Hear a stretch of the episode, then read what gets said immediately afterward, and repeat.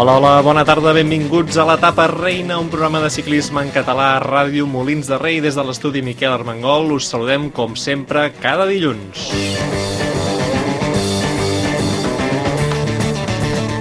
Avui torna el director en majúscules, torna el Lluís Àries, l'home que en una altra vida podia haver estat el fotògraf professional de la Volta a Catalunya. Lluís, què tal, com estàs? Bona tarda. Què tal? Molt bé.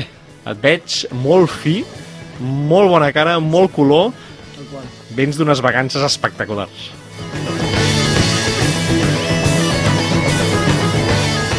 A l'altra banda de la taula s'hi asseu en Sergi Soler i Maza. En Sergi Soler, aquí el teniu avui vestit d'uniforme, no ciclista, no, d'atletisme, de l'atletisme Molins, perquè és el club que sempre està als nostres cors. Què tal, Sergi? Què tal? Moltes gràcies. Eh, Bona tarda, Roger. Què tal?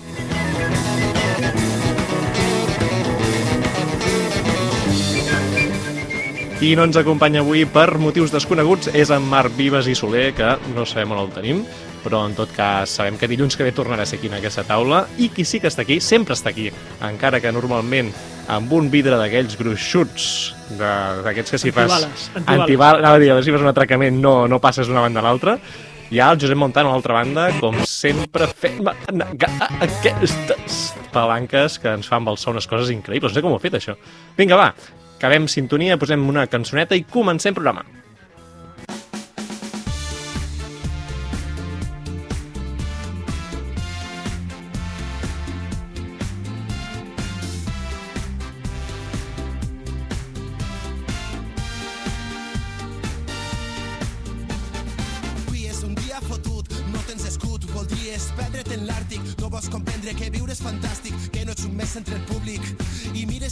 M'agrada molt aquesta cançó, eh? Per això l'has deixat, no? L'he deixat això perquè sempre tenim una cançó de menú de programa. Això ho saps, Lluís, que sempre comencem amb un menú? La Fúmiga es diu. Sí, del País Valencià.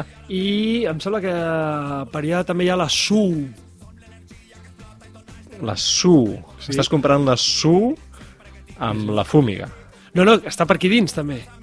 Ah, Me canten aquesta cançó. És que una... col·labora, vols dir? col·labora, Gràcies, col·labora. perquè estava, estava una mica atònit dient... O sigui, est- estàs unint dos mons que ells els han, unit, els han unit, això Doncs està els he, clar. eh, la Fúmiga els he descobert gràcies al Marc Soler. Doncs, uh, Aquesta és l'aportació. Doncs està I bé. us animo a tots a que descobriu aquest grup. Jo crec que ara ja has fet temps per passar a la secció que tocava. No, volia fer el menú del dia. Ah, fes el menú. Sempre, tots els programes que hem fet històricament a la Tapa Reina, fem música i menú del dia. Vale, doncs endavant. No ho sabem. No sabem de què parlarem avui. En principi, una mica de giro, una mica de els millors debutants de la temporada, un joc que ens ha preparat el Lluís, però sobretot a l'inici de tot, l'emmascarat.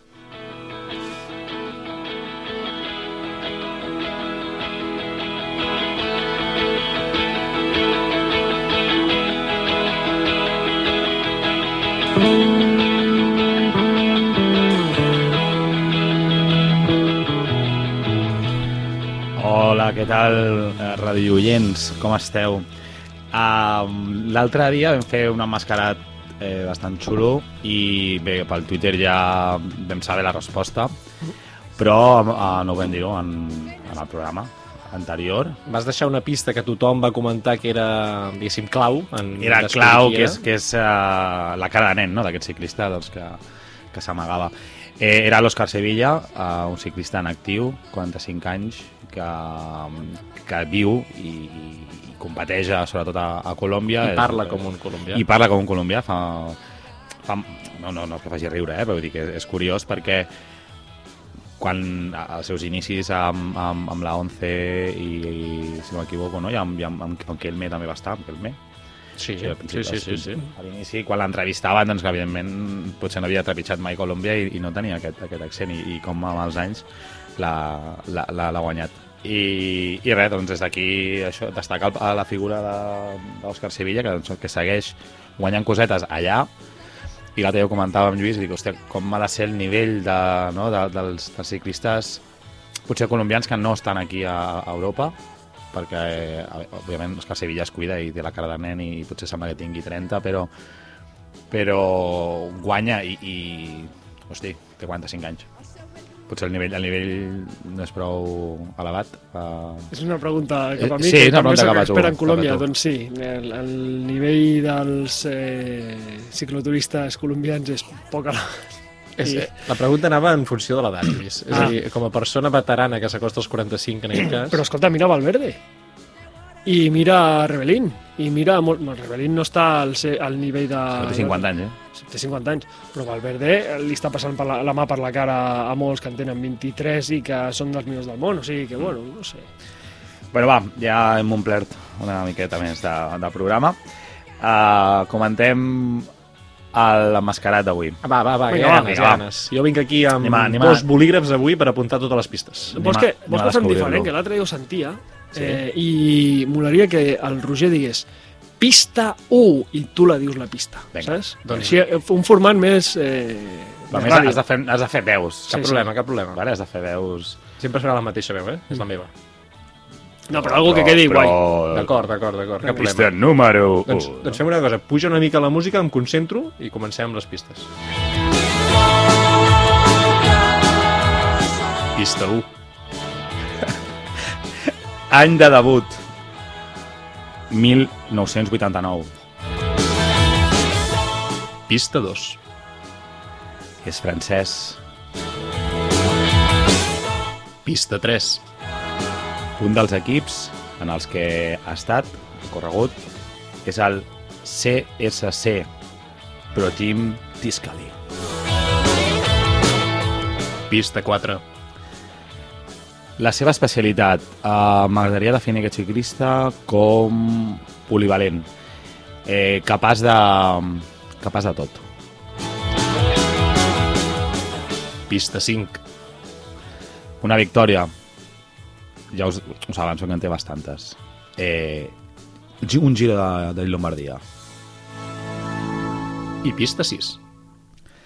Es va veure involucrat en un famós accident a, a la Tour de França.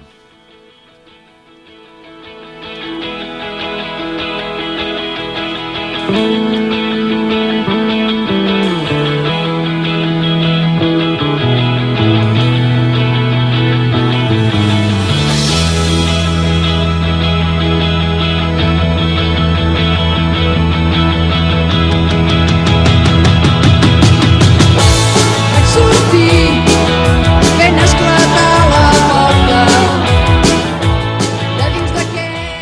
Com, ho tens, Lluís? És a dir, a mi m'estic una mica descol·locat.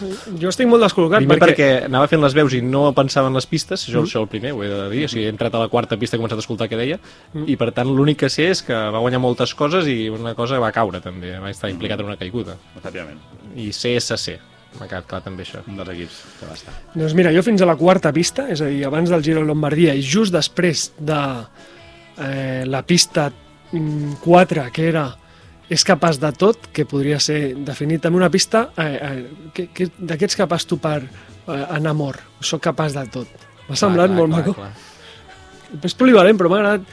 És capaç de tot. Hi ha ciclistes que, que, no, o sigui, que es retiren amb 23 anys, però que també en algun moment han, han pensat soc capaç. No, doncs ho tenia bastant clar, eh? Però el de Lombardia mm, i el de la caiguda m'ha acabat de... Doncs anaves, segurament no anaves a... No anava bé, no No anava bé. anàvem ben encaminats. Anava Bé, uh, bon plantejament, doncs uh, tothom ja pot començar a rumiar. Sabeu que teniu doncs, aquesta estona de programa, però també la setmana durant les xarxes socials uh, anirem plantejant la pregunta allà i tothom pot participar. Ara, si us sembla, parlem una mica d'actualitat, una petita píndola que ens porta cap a Bèlgica, Holanda, els llocs on sempre es viu el ciclocross en majúscules.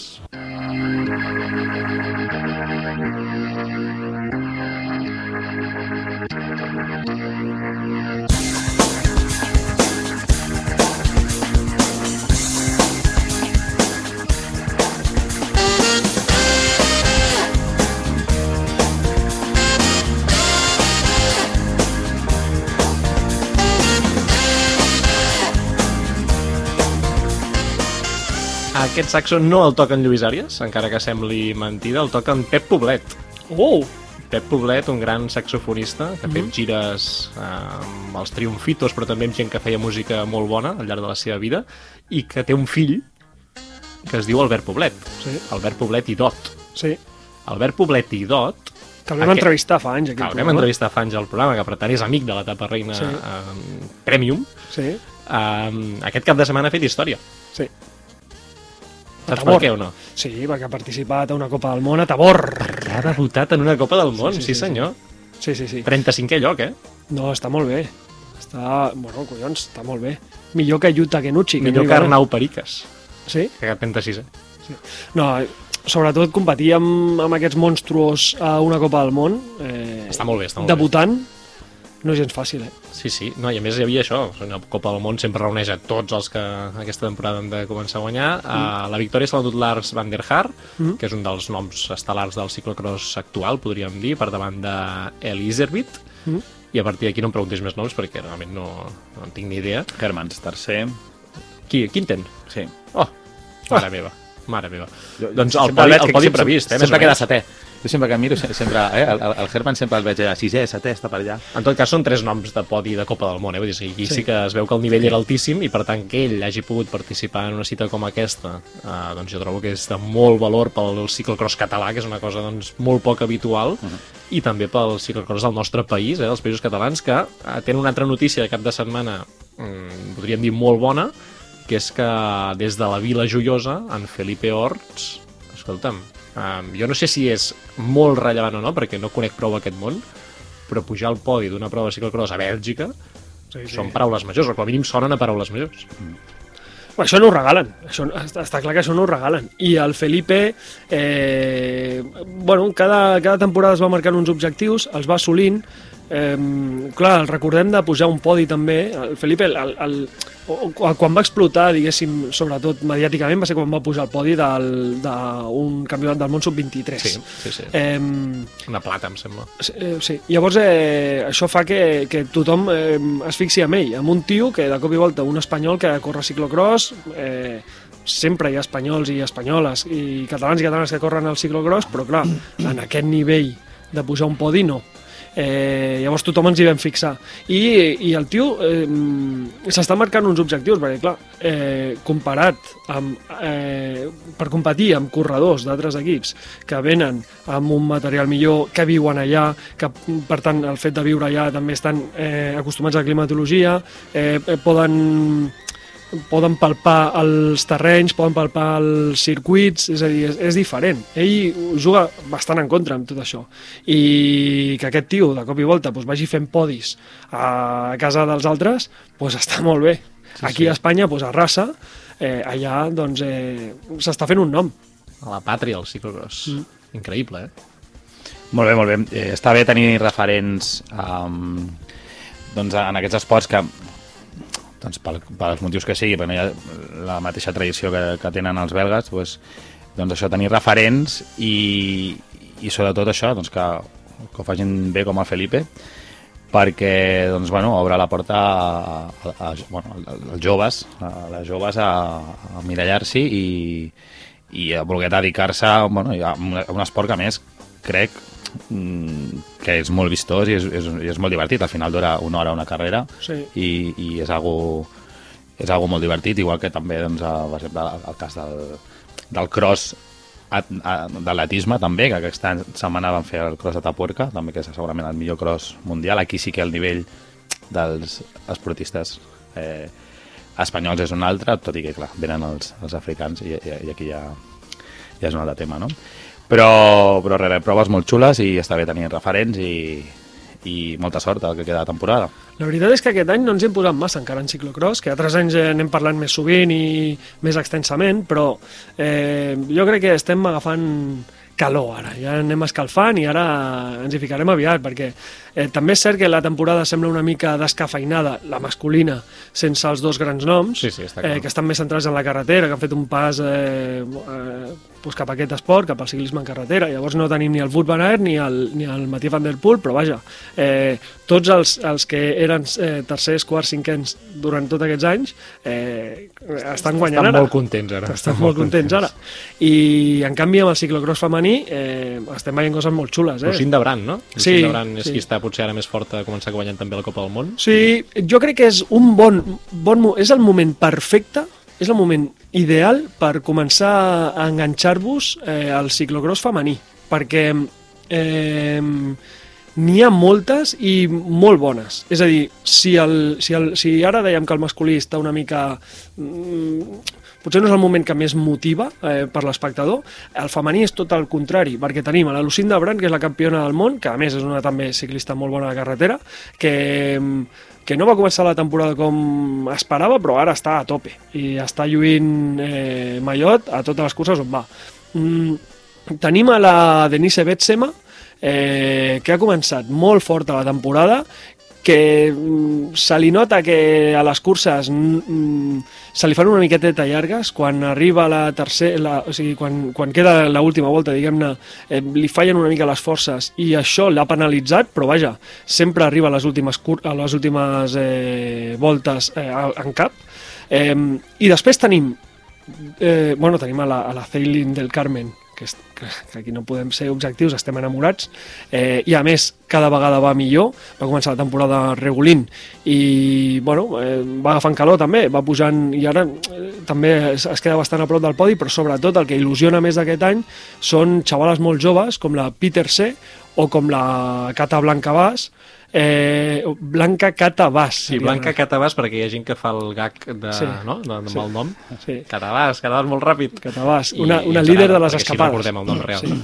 Doncs la Peter C, eh, una xavala holandesa, i la Bas, que és eh, hongaresa, eh, aquestes dues eh, tenen ara ho, ho dic de memòria, però crec que no arriben als 20 anys, i si els arriben, eh, els arriben justets, Sí, 19 i 20 anys. i estan arrasant. O sigui, és, jo crec que la millor temporada de ciclocross eh, femení que, que podíem, podíem imaginar.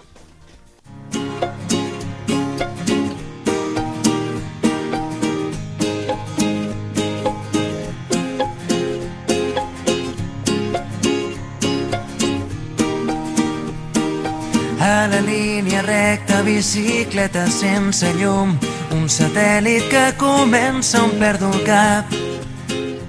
Si passem del ciclocross cap a la carretera, allà on Felipe Ors també ha fet una temporada ja a l'elit amb el Burgos eh, aquest 2021, pensant ja en el futur, en de cara al 2022, fa uns programes vam estar parlant del recorregut del Tour de França, vaja, ho vam citar amb un especial gairebé podcast i box, eh? eh, que va ser una cosa així curta però ràpida per... Ostres, ho han de publicar, diem alguna cosa, doncs, eh, doncs allà vam ser-hi com sempre, i ara, amb un format molt estrany, ja tenim el, el recorregut del Giro d'Itàlia de 2022, perquè no sé si havia passat mai que una gran volta presentés una cosa mm, com ho han fet ara, és a dir, ara unes etapes, al cap d'uns dies unes altres etapes, al cap d'un...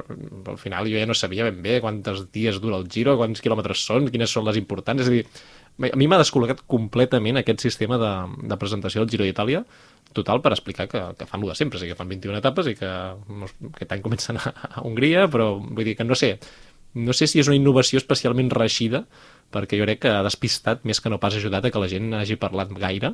No sé si hi ha hagut moltes notícies sobre el recorregut del Giro, que si el presentes de cop jo diria que aquell dia, com a mínim, la gent s'ho mira molt i compara i mira quilometratges i mira, no? És a dir, no sé si algú ha fet l'esforç, un cop ja tot publicat, de dir aquest Giro m'agrada o no m'agrada. En el meu cas, eh, has definit perfectament, perquè mm, estic bastant al dia del que passa en el ciclisme. I, Estàs molt al dia. I, i no m'he enterat massa. O sigui, sé que en general la gent està contenta per les etapes que ha presentat el Giro, eh, però no m'he enterat massa de, de res. És a dir, no, és, no he pogut seguir el fil. És sí. això el que tu deies. Bueno, jo pel que he vist, sí que és veritat eh, el que dieu, que allò, el Twitter és la xarxa que, social que faig servir, l'única que tinc, i, i em anaven apareixent coses com molt desordenades de, de les etapes que anaven presentant i, i un dia veia una, un dia veia una altra i tal. Bé, això suposo que seran estratègies de, de màrqueting o el que sigui. Doncs, pel que he vist, home, hi ha, hi ha etapes que pinten bastant, bastant xules. Eh, pujant um, ports bastant mítics, eh, la Marmolada, per exemple, és un port que a mi m'agrada molt, i, i crec que estarà molt bé. Al final, el, el Giro um, no de ser mai crec jo, en, en quant al que seria el, el format de, la, de les etapes i sempre posen finals mm, molt, molt xulos. Eh, no he vist si aquest any hi ha algun tram d'Esterrato, estaria, estaria molt divertit. I crec que no, no, no, no decebran. Um, algunes etapes, per exemple, eh, la, la, la, la l'antepenúltima, eh, aquesta la vaig veure l'altre dia també, um, que arriben al santuari di Castelmonte. Aquesta etapa um, té pinta de, de, d'estar molt bé. Eh, crec que és un final que no em puja gaires vegades i després també vaig veure alguna també bastant xula, la, la, la d'Àfrica, eh, que arriba a Àfrica també pinta bastant guai i mola perquè diu Sforzato Wine Stage. Eh, això vol dir que algú de vi hi ha per aquí també. I a mi el vi sempre m'agrada. Sí, sí, um, ets que ets l'home que cada cursa que presentem, o sigui, si mai trobem una cursa, no sé, al Canadà, en les muntanyes rocalloses, el Sergi es fixarà si per allà hi ha alguna petita vinya d'algú on pugui doncs, eh, fixar-se perquè et vas apuntant als llocs i després, cada estiu, pim-pam, viatge a fer tot el que han fet els ciclistes. Sí, sí, una mica d'enoturisme sobre rodes. De Deixeu-me dir que a mi hi ha dues coses que no em convencen del tot, és a dir, una ja sabeu quina és perquè sóc obsessiu d'això que és la contrarrellotge, que només hi ha 26 quilometrets de, de contrarrellotge, i a més a més, mm, no contrarrellotge pura, és a dir, al final fas primer Hongria mm, un tastet i després una cosa l'últim dia del Giro, que jo crec que estarà tot dat i beneït i que la contrarrellotge no portarà massa res, és a dir, així com sempre valoro que el Giro acaba amb una contrarrellotge, ho acostuma a fer, i que és un al·licient no? per intentar mantenir l'últim dia competitiu no com, el, no com el Tour de França i aquest any jo crec que aquesta contrarrellotge tal com és el recorregut, que hi ha molta muntanya i muntanya bastant dura una crono que a més a més té eh, muntanya pel mig, és a dir, que has de fer una petita cota, un recorregut amb un, vaja, una etapa de 13 quilòmetres, vull dir, és que Sí. em sembla molt poca cosa o molt poc decisiu. Per tant, ja d'entrada, molts ciclistes jo crec que es queden coixos a l'hora d'estar de sentir-se com convidats pel Giro d'Itàlia a intentar guanyar-lo, perquè busquen un escalador pur i dur. I és una cosa que el Giro ja ha acostumat una mica, però normalment ho compensava amb un bon quilometratge de, de crono i aquest any no serà així. L'altra cosa és um, que només hi ha una etapa realment que passi dels 200 quilòmetres pels pèls, després d'alguns anys en què el Giro ens ha demostrat que en etapes de gairebé 250 quilòmetres es poden fer meravelles competitives. També hi ha hagut eh, certs boicots per part de, dels ciclistes en dies així, però quan l'han encertat i els ciclistes han estat bé, a mi l'espectacle que s'ha vist en etapes d'aquestes llargues, llargues, ostres, eh, si no ho fa el Giro no ho farà ningú i per tant ho trobo faltar perquè el 2021, el 2022 per tant no hi haurà aquest tipus de- d'etapes en lloc, queda només la Vuelta per fer el recorregut, però la Vuelta és impossible que se li acudeixi passar dels 110 km per etapa, vull dir que no, no, no serà allà. Són les dues mancances. Hi ha dies que estan molt ben pensats, al meu parer hi ha etapes d'aquestes que s'han de veure sí o sí. El dia del Blockhouse és espectacular, és a dir, pinta molt bé, perquè l'última arribada, si no recordo, es va fer com amb Boniport, no? això que arribaves al final i pujaves aquella, aquella mole i ja tot i així va fer mal. Aquesta vegada sí que hi ha ports eh, no? a mig camí de, de, de transició, podríem dir, i això sumarà espectacle. I l'altre, el penúltim dia de, de giro a la Marmolada, l'etapa també està molt bé i no té un gran quilometratge però en tot cas és una bona, és una bona etapa de ciclisme ha la, hi ha la cima a Copi a, aquell dia també, a la Port d'Oi, Sí. què és?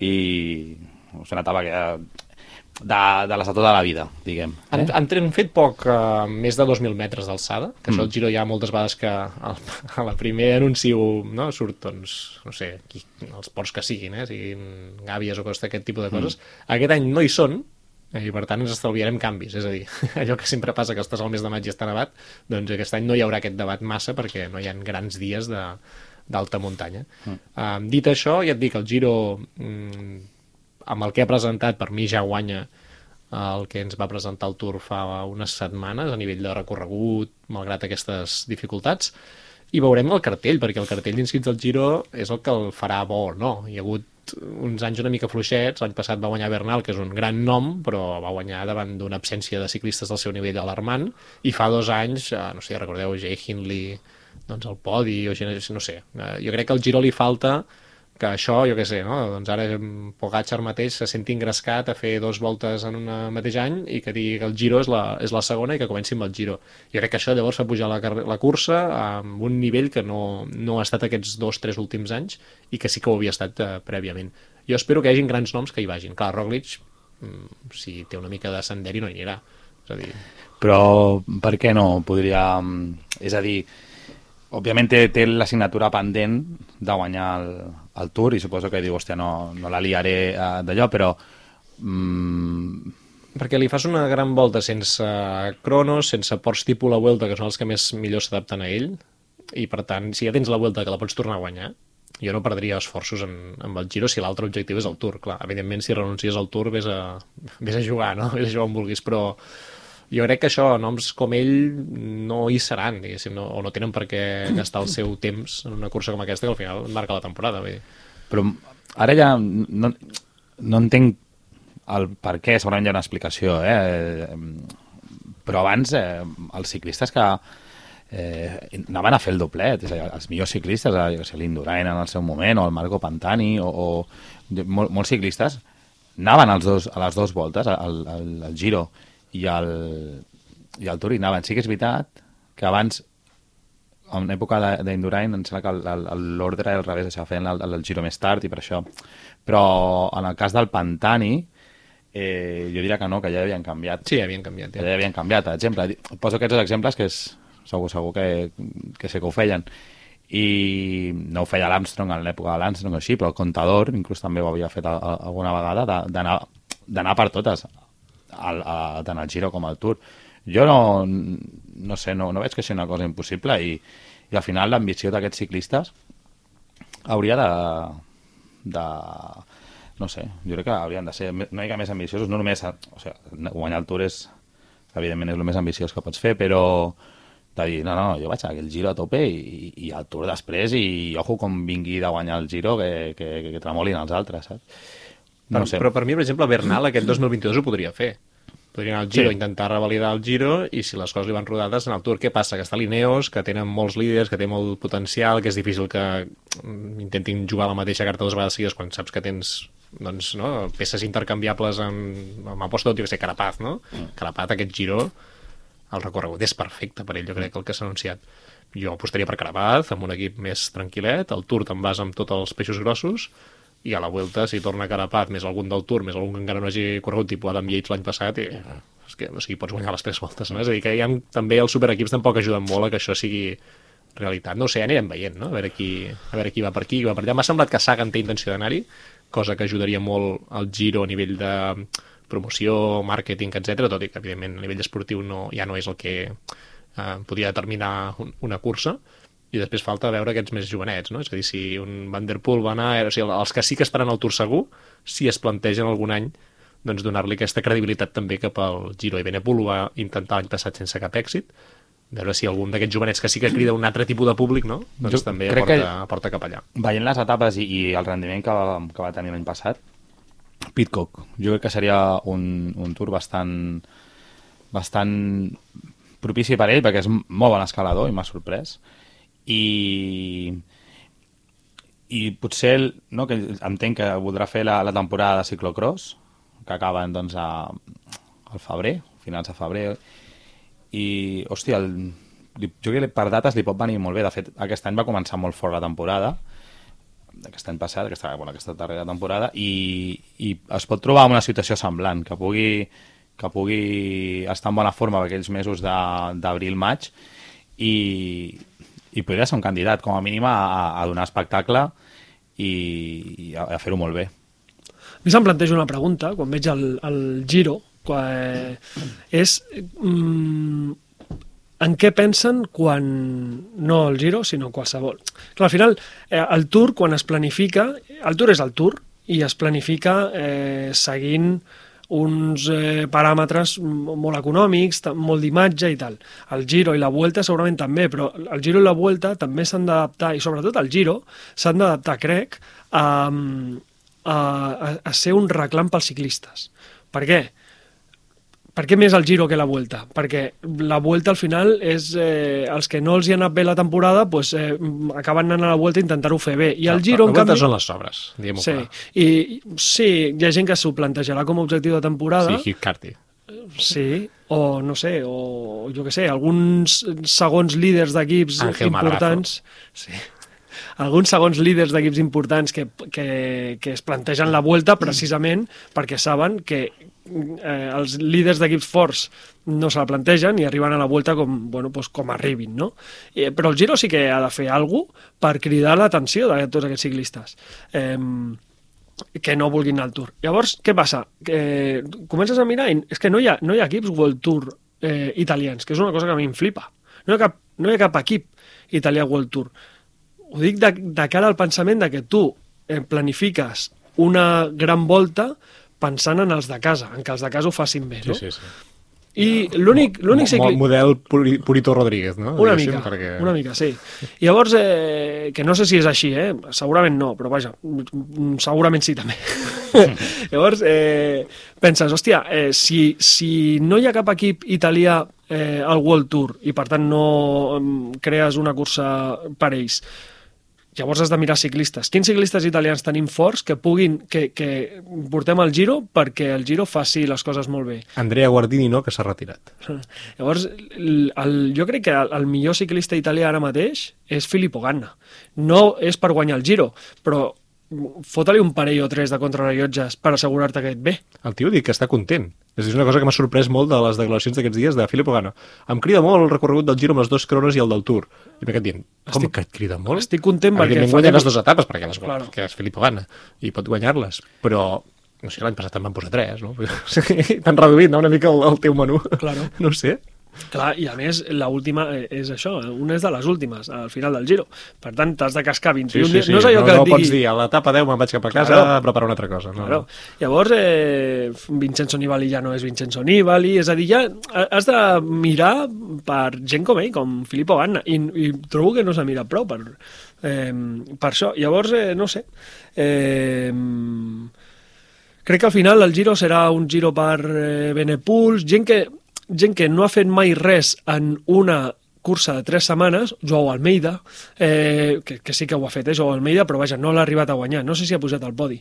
I el tema que deies de Pogacar, eh, o Roglic, eh, és que Pogacar porta tres anys a l'elit i els tres anys, el primer any va ser Vuelta a Espanya, que va fer tercer, Molt malament, sí.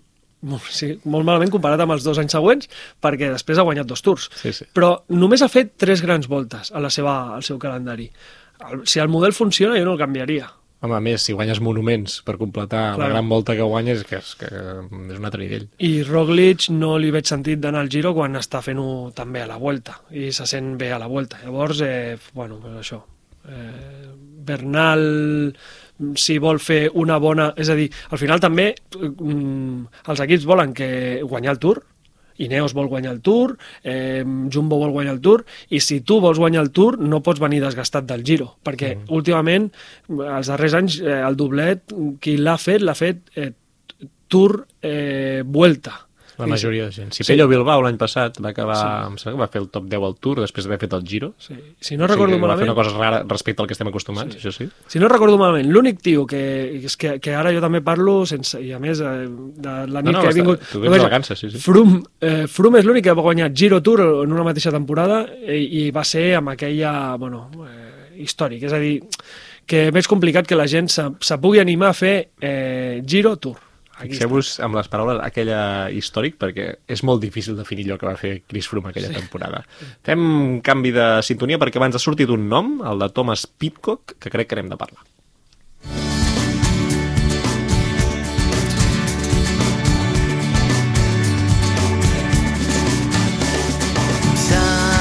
Sol de sora baixa dins l'horitzó damunt la mar rissada dels avions Molts avions hem d'agafar els ciclistes, això seria una cosa a pensar per futur, eh? que facin més coses, no?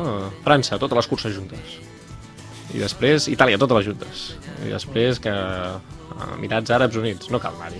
No cal anar-hi, No fora. anar-hi. Va, fora, fora conyes. Uh, Thomas Pitcock, per què dic que n'hauríem de parlar? Perquè avui teníem intenció de parlar dels millors debutants uh, de 2021. O sigui, els ciclistes, joves o no tan joves, que en tot cas han fet el seu primer contracte professional, sigui amb un equip uh, World Tour o un equip uh, procontinental, durant el 2021, que per tant um, han tingut la seva primera oportunitat per treure el cap i dir, ep, això aneu molt ràpid, nois, baixeu el ritme, que si no no m'hi acostumo, però hi ha alguns que en lloc de dir això, doncs des del primer dia ja el treuen ells del cap i sembla doncs, que estiguin jugant doncs, a, a un esport no? que, que ja porten com molts anys eh, amb moltes cames preparades de resistència com és el ciclisme, que al final sorprèn molt. Mm, De tots els debutants, eh, si mirem pàgines d'aquestes oficials que et surten mil coses, eh, estem parlant de més d'un centenar, eh, o prop d'un centenar de noms que el 2021 han fet el seu primer contracte professional i que per tant han debutat. És molta gent, són 100 noms, per tant, ja us avanço ara que n'hi ha 80, que si els diguéssim segurament us sonarien més aviat poc, perquè és normal, no? Entres a un equip, eh, participes potser poques curses, intentes agafar ritme i potser quedes al 70 en una cursa i estàs content perquè has fet, has complert un petit objectiu que t'havies marcat de, no sé, eh, pujar una mica, intentar fer un atac, etc. És igual. Hi ha mil opcions dins de cada temporada d'un ciclista perquè et sentis a gust, malgrat els resultats que nosaltres ens fixem sempre amb els millors, no? Però això hi ha alguns noms que mm, és arribar i moldre i que de vegades es sorprèn molt. I ens havíem plantejat aquí fa uns dies, i avui és el moment de fer-ho, de qui escolliríem, no, Lluís? És a dir, qui- quins noms ens quedaríem de debutants eh, pel que hem vist aquesta temporada? Home, el gran nom és Pitcock, no? Jo crec que sí. Jo crec que és, és, és el primer, és, és, perquè és que ha fet coses que costen molt de veure amb un debutant. Potser amb algú jove encara, però amb algú que a la primera cursa com a professional ja estàs allà al davant o intentant no, remenar, remenar les cireres, és, és, és una cosa molt sorprenent. De Pitcock, jo me'n recordo quan Wout van Aert va, va arribar a la carretera, que venia de, de ser campió del món de ciclocross i que eh, tots dèiem, hòstia, eh, clar, és que és molt bo, però mm, aquest competeix una hora a tope i ves a l'Estrada de Bianchi i fes 200 ara, quilòmetres. Ara, ara, ara. que li donaven aquelles rampes que va caure a terra Sí, i tot sí, això, sí, que ho va sí. fer genial, eh? però eh, tenim aquella imatge no? de les rampes, de, de l'esforç, un esforç molt més llarg i tal. Clar, Pitcock ha fet el mateix que va fer Van Aert, però eh, mullant-li l'orella a Van Aert i a Van Der Poel que va estar a punt de guanyar-li l'Amstel Gold Race, si no recordo malament li va guanyar la fletxa Bra- Brabançona a Van Der Poel, és a dir, eh, hòstia, ara ho parlo de memòria i ja et dic que no estic massa al loro, eh? però vaja, eh, el mateix que, que mm, dubtàvem de Wout van Aert i Van Der Poel, Pitcock bé i ho fa bé. I a sobre, a l'estiu, guanya els Jocs Olímpics amb BTT. Eh, clar, no sé, no sé fins a quin punt podrà aguantar participar a les tres disciplines, fer-ho bé sempre i tal. Però vaja, arriben les clàssiques de belgues, eh, li casquen 220, 230, 250 quilòmetres i ho fa bé. Sembla molt bo. Sí. O sigui, sembla un tio molt, molt, molt preparat i molt pensat eh, el seu disseny de cos perquè brilli amb el ciclisme durant molts anys, perquè si no, no s'explica que puguis fer disciplines tan diferents entre si en una mateixa temporada i brillar en totes, Sí. que és el que he acabat fent. Vull dir que, no sé, jo Pico, estem parlant d'algú gener... talent generacional, no?, que es diu de vegades. El que passa és que com que no té pinta, vaja, després ja ho veurem, eh? però no té pinta que pugui lluitar per grans voltes a nivell d'això, no?, d'un Roglic, Pogacar, etc. és probable que molta part de la gent que diguéssim, mira el ciclisme se'l perdi pel camí i que el vegi més doncs, algú que despunta en algunes curses que no segueix tant, etc. Veurem si és capaç això, aprofitar un giro, aprofitar un tour i brillar allà. De moment el seu debut en una gran volta ha estat molt discretet, Sí. això sí, però tampoc era la funció que tenia. Jo crec que s'estava com preparant per altres, per altres coses mentrestant. No ho sé, jo, jo ja et dic que estic molt sorprès de l'entrada d'aquest nano en el, en el World Tour, perquè més, clar, ho fas des de l'Ineos, és a dir, no ho fas des d'un equip que tens plena llibertat per fer el que vulguis. Allà a l'Ineos, si entres en un equip has de fer el que et digui l'equip i ho has de fer bé perquè és l'equip que més pastes gasta amb això. Per tant, si entres a una cursa i la teva missió és doncs, això, no? fer un atac llunyà i gastar-te allà perquè els altres tinguin més oportunitats, tu t'has d'emmotllar això. I en canvi, jo crec que l'Ineos ha vist el potencial que té uh, Thomas Pitcock i des del primer dia li ha dit endavant, ets l'estrella, fes una mica el que vulguis, i això amb un nano tan jove doncs és, és com a mínim poc habitual.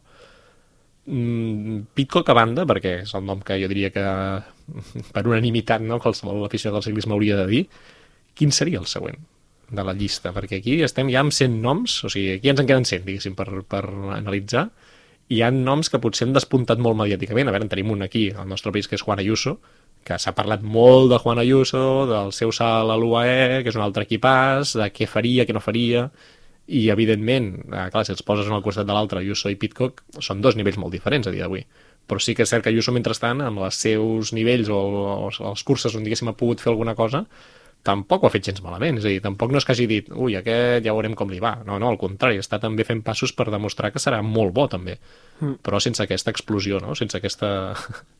sense aquest deixar-nos tots amb la boca oberta. Bueno, clar, és que Ayuso eh, s'afegeix a l'UAE a mitja temporada. És a dir, eh, Ayuso, si no recordo malament, cap al mes de juny fa el Giro d'Itàlia, el Giro eh, el Giro ciclístico, és, Exacte, exacte. és a dir, el, el sub-23 o diguéssim el de nens, eh, i el guanya eh, d'una manera que semblava... Molt bèstia. Sí, insultant. Sí, I, I després eh, passa al, al l'UAE i a l'UAE, bueno, pues, ha fet una temporada que déu nhi No sé si el juliol ja estava a l'UAE, a, crec que és a les clàssiques aquestes eh, del País Basc a Ordícia i tal, que ja també va, va pujar algun podi i, i després va fer eh, tercer al sub-23 al, al Campionat del Món.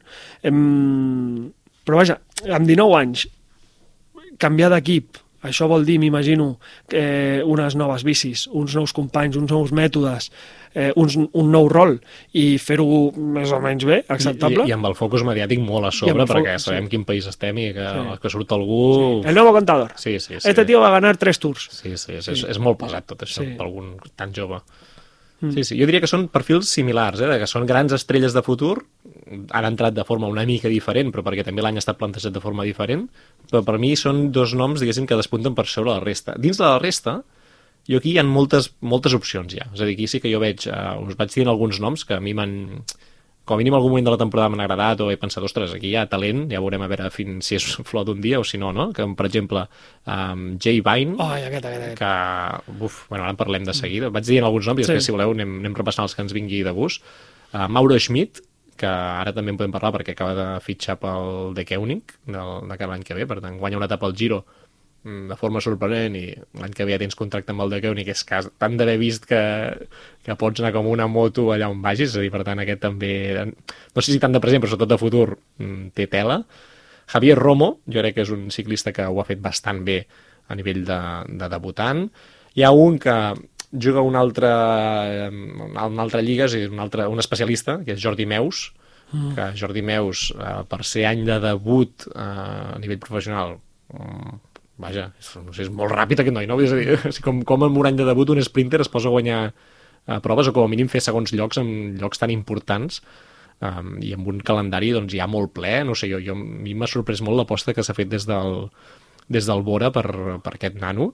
Um, evidentment tenim a Roger Adrià, Martí Márquez, que com que el Care Pharma ens ha pujat no, de categoria, um, són considerats com a debutants i de fet han fet algunes curses més importants que, que les que havien fet i jo crec que s'han mostrat, especialment Roger Adrià, doncs, molt, molt bé i um, alguns altres noms, Olaf Koich, el- l'sprinter del, del Jumbo, que té pinta ser successor ràpid de Groenewegen si Groenewegen es cansa ràpid, eh, que té pinta de retirar-se aviat de Groenewegen.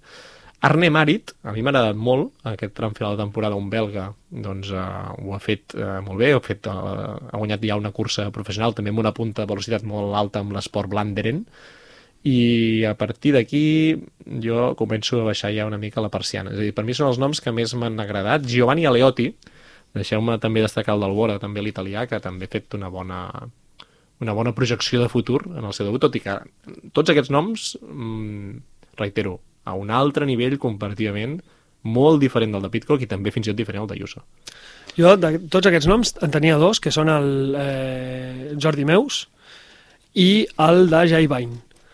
I el de Jordi Meus és que jo crec que és la gran notícia de Bora de la temporada, perquè eh, el Bora, hòstia, tens a Ackerman que no et tira, que l'has de portar a curses de segon nivell. Ackerman, amb Groenewegen, amb, eh, com es diu, el, a Gaviria, aquests havien de ser els grans sprinters d'aquests anys, de l'any passat, d'aquest i tal. I, i Ackerman, bueno, ha guanyat el Civilu Tour aquest al Romania i ha Sí, guanyat... Tour, sí. sí. Sí, sembla que hagi passat el moment no? d'aquesta generació, Sí. d'aquests noms que semblava que havien de menjar-se el món i han tingut una opció i no l'han acabat d'aprofitar i potser ja tornen a pujar gent més jove que, que ho farà millor. En canvi, Jordi Meus doncs, ho ha aprofitat. Jo tenia un parell de noms més que, que si bé bueno, han destacat bastant doncs, en, el, en els campionats eh, diguem, mundials eh, europeus o tal, no? que serien el, el, el, el Girmay, que ens va presentar l'altre dia Sí. al Marc, i per altra banda a Baroncini, també, que tots dos aquest any han començat contracte amb, amb equips eh, professionals i són dos ciclistes que s'han mostrat, eh, que, que han, han guanyat el campionat del món, han guanyat el campió i, ha, i han fet cosetes i tenen bona pinta. Tenen bona pinta i a veure com, com els hi va l'any vinent. No us fascina haver fet això el dia que no hi ha el Marc i que és responsable del mercat? A mi em fascina. És intrusisme. És intrusisme laboral, eh, ho assumim i com a tal, doncs, no... no Haver vingut. Haver vingut. No, no. Aquí el respecte es guanya estant a la, a la cadira i davant del micro, perquè si no, eh, la cosa doncs, eh, se'n va per on se'n va. Són els noms que nosaltres més ens han sobtat, més ens han agradat eh, doncs, aquest 2021, però abans d'acabar el programa tenim una cosa molt, molt especial que va d'abelles i que va de Lluís Àries.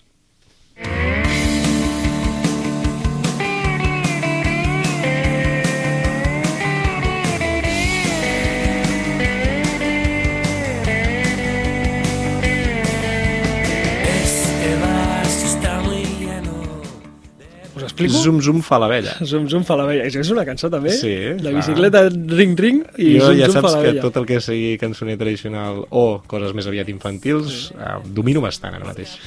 Doncs eh, per què t'he posat això a l'ordre del dia? No ho sé, perquè tu, tu ets el director, tu em dius, has de parlar, jo parlo, llegeixo aquí, abelles noms, pues abelles noms, no sé, coses de Lluís. Saps què passa? Que se'ns ha caigut una entrevista que teníem. Ah. Eh, avui, És l'home que sempre desmunta el programa. Avui que estem en directe, avui que sí que estem en directe i podem dir que estem en directe, però que, espera, espera, que la tindrem un altre dia, i, i, hem, i llavors teníem una entrevista B, també pepinazo d'entrevista, que al final tampoc s'ha pogut fer. Llavors hem dit, hòstia, bueno, eh, com omplim una hora de ciclisme? Quan, no, quan teníem el programa eh, dissenyat i, present, i, i, i ideat per fer una entrevista. Eh, Fins i tot eh, us havia portat un joc relacionat amb aquesta entrevista. Clar, jo no, no l'hem fet, el farem al proper programa. Ah, no ja el farem. No juguem? Voleu fer el joc? No ho sé. No, el de les abelles, us ho dic molt ràpid, tinc abelles. tinc abelles i he començat aquest any amb les abelles, vale? Un moment, Llavors, un moment, un moment. És a dir, es, explica una mica, perquè potser ara algú, mm. tinc abelles, que està bé, però no sé, també és un equip de rugby valencià, és a dir, sí. no, no sabem de què parles ben bé. Sí. Situa'ns. Eh, des de fa 10-12 anys m'agrada la apicultura, vale? M'agrada vol dir miro vídeos a YouTube sobre apicultura. Llavors què passa? Que aquest any he agafat abelles i ara tinc abelles. Llavors eh, tinc 10 penals d'abelles amb un amic que l'he conegut arran de les abelles. O sigui, teniu una afició comuna, l'afició comuna us ha fet conèixer-vos Sí. i a partir d'aquesta coneixença en surt Una aquests, amistat. aquests 10... Aquests 10 minuts de ràdio. No, no, a- aquests, aquests 10 eh, fonts d'elaboració de Sí, mel, perquè sí. entenc que al final aquestes abelles, si les tens, no és per anar-los i fer una carícia cada nit abans de dormir, sinó que és perquè facin mel. perquè facin mel i una mica per aprendre nosaltres i divertir-nos, perquè mola molt observar-les, vale? Llavors, a, a què vaig? A què vaig? A que aquest, per cert, l'altre noi que està amb mi es diu Lluc Cendra, que li, li envio un... No crec que ens escolti mai, però el vaja. Lluc, el Lluc, gran aficionat al ciclisme també. Sí, doncs eh, el Lluc, eh, tenim un problema amb el Lluc. Què passa? Que tenim 10 capses i quan jo li quan jo vaig a les abelles o va ell i es vol referir a una capsa que té un problema o que veiem que hi ha alguna història en aquella capsa, no sabem com dir-ho. Sí, Clar. la de davant, aquella que és una mica més La que fosca. té un cop, la que tal... Sí, és un rotllo. I què has pensat? He pensat ficar-li nom a les reines. Ep, Llavors així, clarament, definirem la capsa. deixa'm dir, tu identificaràs a cada abella reina Mm. per, per com és, diguéssim? Amb el nom, no, no. Amb la vista tu sabràs que és diferent de l'altre? No, perquè jo no les veig, les reines. Com les, que no les les veus, reines Lluís? no les, no les vull molestar, jo. Però la capsa sí. A la, la capsa vull ficar-li el nom d'una reina perquè des de fora jo li digui mira, la capsa de la tal Val, va bé, la capsa de la tal va malament. molt bé. I què has pensat, llavors? Per, o sigui, per què estàs explicant això en un programa de ciclisme? Perquè vull que la gent m'ajudi. Perquè vull, vull ficar els noms, però que la gent m'ajudi a ficar-los. Que la gent o sigui, obrirem a Twitter una macroenquesta, que segurament es farà viral en el Segurament. món del ciclisme i de l'apicultura, sí, sí, o sigui, ajuntarem els mons com ell amb, amb els vins. Llavors, és important, eh, per exemple, el primer, el primer nom que em ve al cap és Ceylin, no? Ceylin és un nom de reina brutal. Home. Però, clar, eh, què passa? Que aquest any se m'han mort dos reines. Llavors, llavors em fa moltíssima por ficar-li el nom de Ceylin a, a una reina, perquè, joder, com se'n mori, hòstia, entraria en una depressió molt bèstia. Llavors, han de ser noms que ens estimem, però, Però no, no del, tant. no del Però top. no tant. No del top. Val. Noms que ens estimem i que li peguin amb una eh, abella reina. Si saps que alguna està gairebé terminal, també ens ho pots dir per pensar el nom concret. Vale. Llavors, què passa? Vam començar l'any amb 10, ara en tenim 8 de capses. esperem a primavera tenir-ne més, però de moment busquem, busquem vuit noms Vuit noms, eh? de ciclistes femenines Val? eh, que serveixin per això, per, per anomenar les capses a les abelles reines d'aquella colmena. Ja veig que D'aquell dues palau. setmanes estarem ja buscant nom de gregaris per acompanyar eh, el, el, totes les que l'estan acompanyant. És a dir, això serà espectacular. Uh, doncs uh, queda la crida feta, eh? si algú vol trucar ara mateix i proposar-nos estem a punt d'acabar el programa, per tant, millor no ho feu, millor seguiu les xarxes socials de l'etapa reina Sí, sí. i allà doncs eh, llanceu les propostes. Entenc que són propostes obertes, eh? O sigui, cadascú aquí mira ciclisme doncs, de dones, hem dit, de noms, sí. eh, que triï una mica qui vulgui. Jo vull la Lucinda, jo vull... Sí, sí, és aquesta... Lucinda, Lucinda és un nom bo. Sí, jo encara no he pensat, això, perquè no sabia que anàvem a aquest tema i llavors ara n'estic eh, totalment sí. destarotat. Però hi pensaré molt, perquè segurament serà la meva dèria d'aquesta propera setmana i segurament de tots els que ens han escoltat avui. Llavors necessitem vuit noms. Vuit noms, doncs eh, queda la crida feta, seguiu-nos a les xarxes socials, allà també eh, penjarem les preguntes de l'emmarcat, aquestes sis pistes doncs, que el Sergi ha llançat al principi, ai, del, de l'emmascarat, disculpeu, aquestes sis pistes que ha llançat al principi del programa, per tant teniu doble joc eh, aquesta setmana, una de coneixença ciclista i l'altra d'invenció també en el voltant del ciclisme, per donar un cop de mà al Lluc, que ens estimem molt, i també al Lluís. Per tant, eh, doncs, vaja, està aquí. Que està aquí, que ve el programa i que, per tant, doncs, eh, l'escoltem i compartim les tardes del dilluns. Ha estat un plaer fer un programa doncs, sense aquests protagonistes A i B que ens han caigut, que esperem que el dilluns que ve sí que els puguem tenir amb nosaltres. Si els tenim, flipareu, perquè són autèntiques bombes del ciclisme, i si no els tenim ens ho passarem igual de bé. Això ha estat tot, això és la Tapa Reina, un programa de ciclisme en català, a Ràdio Molins de Rei, des de l'estudi Miquel Armengol, cada dilluns, de 4 a 5 de la tarda. Que vagi bé, bona setmana.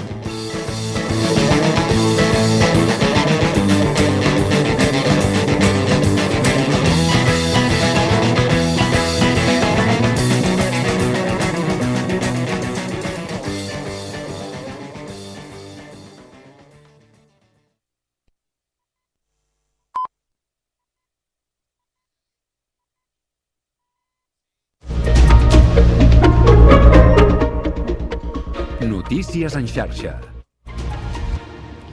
Bona tarda, són les 5, us parla Maria Gisbert.